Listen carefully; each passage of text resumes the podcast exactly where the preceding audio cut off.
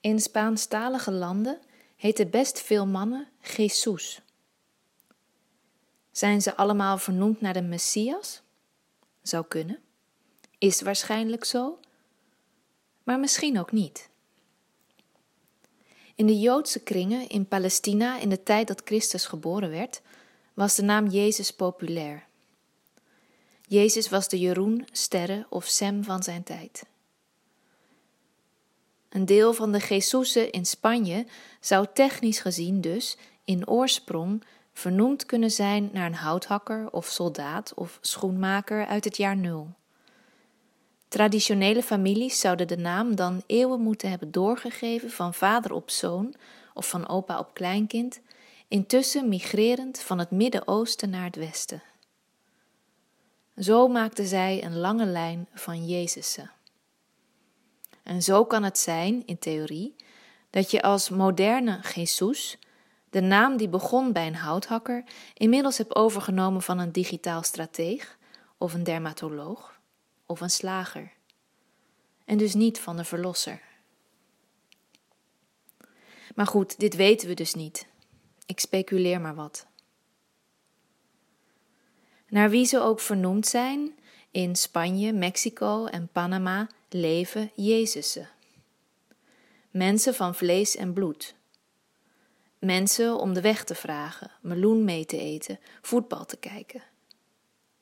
Sommigen om vrienden mee te worden, vast te pakken, lief te hebben. Hadewig, mystica, begijn en schrijfster uit de middeleeuwen wilde niets liever dan dat. Ze wilde tijd doorbrengen met Jezus. Ze hield van Hem. Haar ziel verlangde ernaar met Hem samen te smelten. In momenten van extase ging haar wens voor heel even in vervulling. Ze ontmoette Jezus en ze versmolten in liefde. Hadewig geloofde dat wij allemaal een vliebertje van het goddelijke in ons dragen.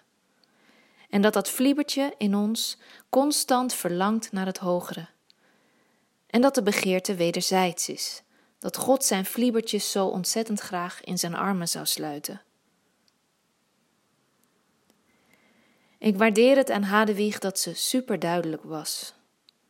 Ze schroomde niet te zeggen dat ze iets van Jezus wilde. Willen niet heel veel meer mensen iets van Hem? Verlossing van de zonde, wijsheid. Wetenschappers hopen zijn bestaan in kaart te brengen. En ik wil iets. Eens bezocht Jezus een markt waar beeldjes van afgoden werden verkocht. Aardewerken beeldjes vul ik zo in. Van giraffen misschien of zeemerminnen. Hoe dan ook.